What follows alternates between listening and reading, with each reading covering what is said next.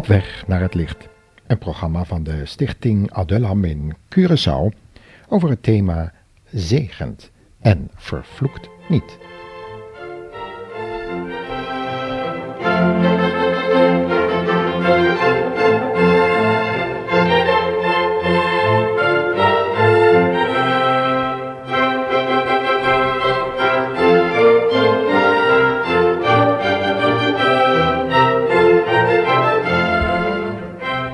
Was tijdens een kerkdienst.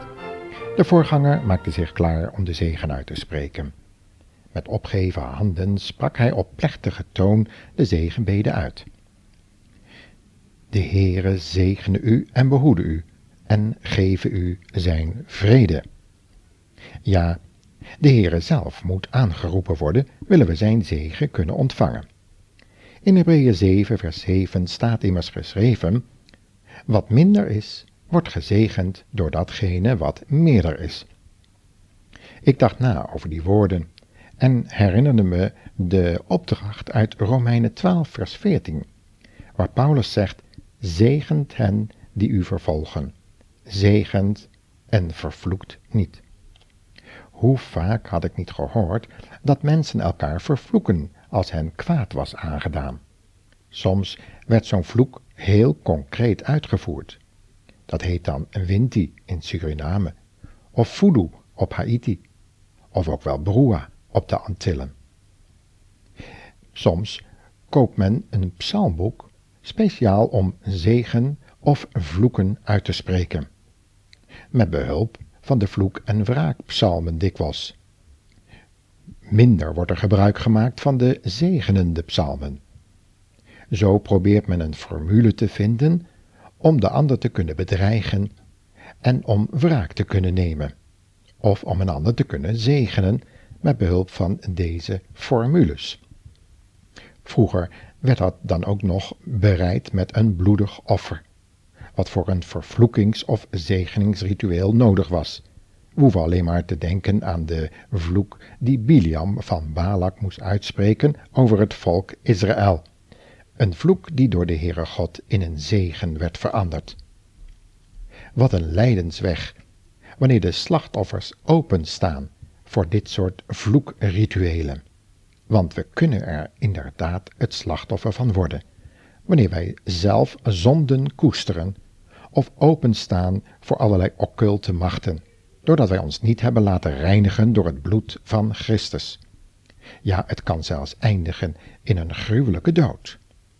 We hebben Biliam, die valse profeet uit het Oude Testament ten tijde van de geschiedenis en de, van de uittocht van Egypte, uit Egypte, van het volk Israël, hebben we al genoemd. Tegen betaling moest hij vloeken. Hij kende de kracht van zo'n vervloekingsritueel en bracht zijn bloedige offers op zijn eigen gebouwde altaren. Maar God keerde zijn vloek, zoals al gezegd, die normaal altijd effect had, om in een zegen. Biliam kon doen niet anders dan erkennen dat God voor Israël was. En wat een heerlijke zegen moest hij uitspreken. Later zou God groot gemaakt worden door de wijzen uit het oosten, die door middel van de vervloeking die omgekeerd werd in een zegen, het teken van de ster uit het oosten konden opmerken en zo het kind Jezus vonden. Wat een geweldige zegen heeft God zelfs wanneer mensen ons vervloeken. Hij keert de vloek om in een zegen. Het is geweldig en dat is het ook waard om God te eren en te danken voor zijn grote zegen.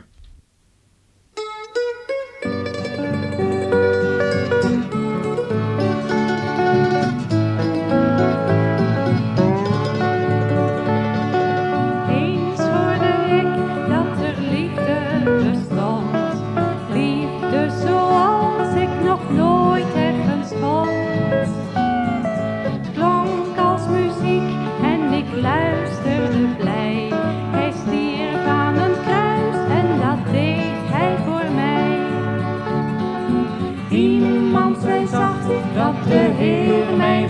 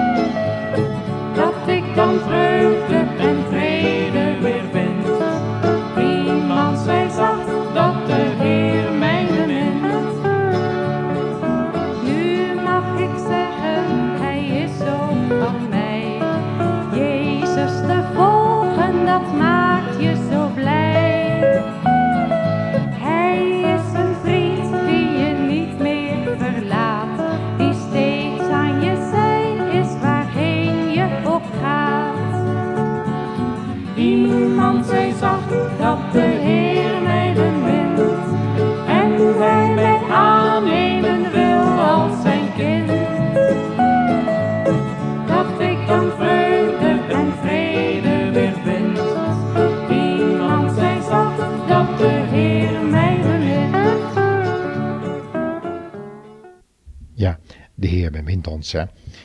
Zegenen we elkaar eigenlijk als christenen nog wel eens? Of denken we in ons hart de een de ander kwaad? Waar we Jacobus in zijn brieven zo voor en ook de profeten in het Oude Testament. Want ook dan kunnen er ernstige gevolgen komen van zulke verkeerde gedachtegangen. De heer Jezus had volgens Paulus gezegd: Het is zaliger te geven dan te ontvangen. En Paulus zei dat op zijn afscheidsreden bij de ouderlingen van Efeze. In Handelingen 20, vers 35 lezen we dat. Zo dacht ik verder na over deze bijzondere woorden en herinnerde me dat er christenen zijn die zich bewust van hun gelijkheid in Christus, hun geestelijk priester en koningschap, eigenlijk in een verkeerde vorm gieten. Zij denken dat het zegeningsritueel, wat we kennen uit het Oude Testament, in deze nieuwtestamentische bedeling zijn betekenis heeft verloren. De voorganger kan nu volgens hun de gemeente niet meer zegenen. En zoals Mozes, Josia, David en dergelijke deden, dan wordt ervan gezegd dat is alleen in het Oude Testament. In Josia 22, vers 1 tot 6 horen we echter hoe het er ook nu toe zou kunnen gaan. Luister maar eens wat er staat. Josia 22, vers 1 tot 6. Dat gaat over een geschiedenis toen het volk Israël in zijn geheel de vijandelijke machten in het land Canaan tegengewerkt had, ja, uitgedreven, zodat dat volk Israël zich daar kon vestigen. Josia riep nu de legertroepen van de stammen van Jeruben, Gad en de halve stam Manasse bijeen en zei, U hebt gedaan wat Mozes, de dienaar van de Heere, u had bevolen. En u hebt elk bevel dat ik u gaf gehoorzaamd. Elke opdracht die u van de Heere uw God kreeg, hebt u vervuld. U hebt uw broederstammen niet in de steek gelaten. De Heer onze God heeft de andere stammen u rust gegeven volgens zijn beloften. Daarom kunt u nu teruggaan naar het land dat Mozes u gaf aan de overkant van de Jordaan. Zorg ervoor dat u alle geboden die Mozes gaf gehoorzaamt. Heb de Heere lief, houd u aan zijn geboden en leefregels en laat hem nooit in de steek en dien hem met hart en ziel. Toen zegende Josia hen en liet hen naar huis gaan. Zo had Mozes het land van Basan ook aan de halve stam van Manasse toegewezen, terwijl de andere helft van de stam ten westen van de Jordaan land had gekregen. Toen liet Josia de troepen gaan, terwijl hij hen zegende. Ja, en zo zien we dat hij die zegenbeden ook gepaard liet gaan met de opdracht om de rijkdom van die zegen te delen met anderen. Het is werkelijk waard om de Heer te loven en te prijzen over de mogelijkheden die wij, christenen ook hebben, elkaar te zegenen.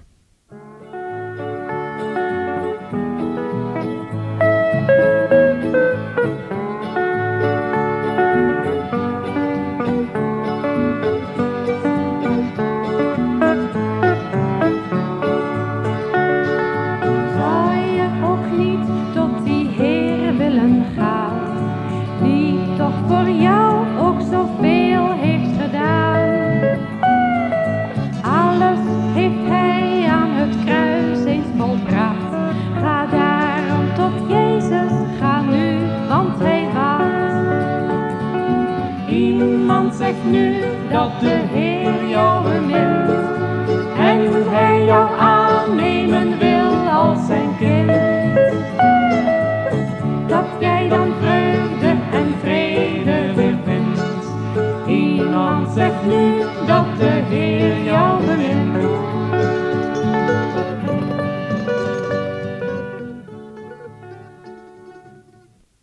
Laten we nu nog eens wat meer stilstaan bij dat zegenen al of niet gepaard met een rituele handeling.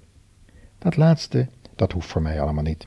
Maar wat dacht u van een herderlijke zegen over kinderen, een ouderlijke zegen dus? Hebben ouders niet heel wat uit te delen aan hun nageslacht? Zo de eerste twintig jaar, dan zijn kinderen toch immers helemaal afhankelijk van de ouders. Hebben ze dan niet gedeeld in de zegen die hun ouders van God gekregen hebben? Paulus schrijft daarover in 2 Korinthe 9, vers 6. Hij schrijft dat als aan zijn kinderen, die hij in de geest verwekt heeft en toegebracht tot de Heer Jezus, tot die grote schare die niemand tellen kan. Hij heeft daar gezegd in 2 Korinthe 9 vers 6, eh, wie in zegeningen zaait, zal ook in zegeningen maaien. Paulus zelf verbindt dit zegenen dus met blijmoedig geven in vers 7. Geven uit je hart. Hij zegt dat met de volgende woorden in vers 7 tot 15. Ieder moet voor zichzelf uitmaken hoeveel hij zal geven. Dwing niemand iets te geven, want dan doet hij het met tegenzin. God houdt ervan dat u met een blij hart geeft. God geeft zijn genade in overvloed, zodat u niet alleen zelf alles krijgt wat nodig is, maar het ook royaal met anderen kunt delen. Zo staat het in de boeken. De goede en de rechtvaardige geeft veel aan de armen, en voor het goede wat hij doet, zal hij altijd worden geëerd. God, die de boer zaad geeft om te zaaien en ons brood om te eten, zal u steeds meer zaad en steeds grotere oogsten geven. Dan kunt u van uw overvloed ook steeds meer uitdelen. Ja, hij geeft zoveel dat u altijd veel kunt weggeven. En wanneer wij uw gift brengen aan hen die tekort hebben, zullen zij God danken en prijzen voor uw hulp. Door deze vrijgevigheid worden niet alleen gelovigen in nood geholpen, maar ontvangt ook God veel lof en eer.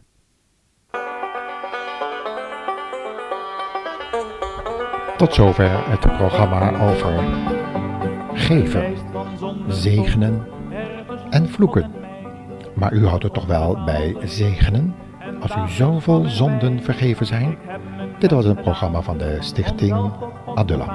Maar ik moest toen wel herkennen, er is niets goeds in mij. Kom tot mij, sprak de Heer, kom tot mij. Tot de Heer, kom vermoeiden en belasten, kom tot mij. Zo klonk Jezus Christus woord en dat klinkt nog altijd voor. Kom vermoeiden en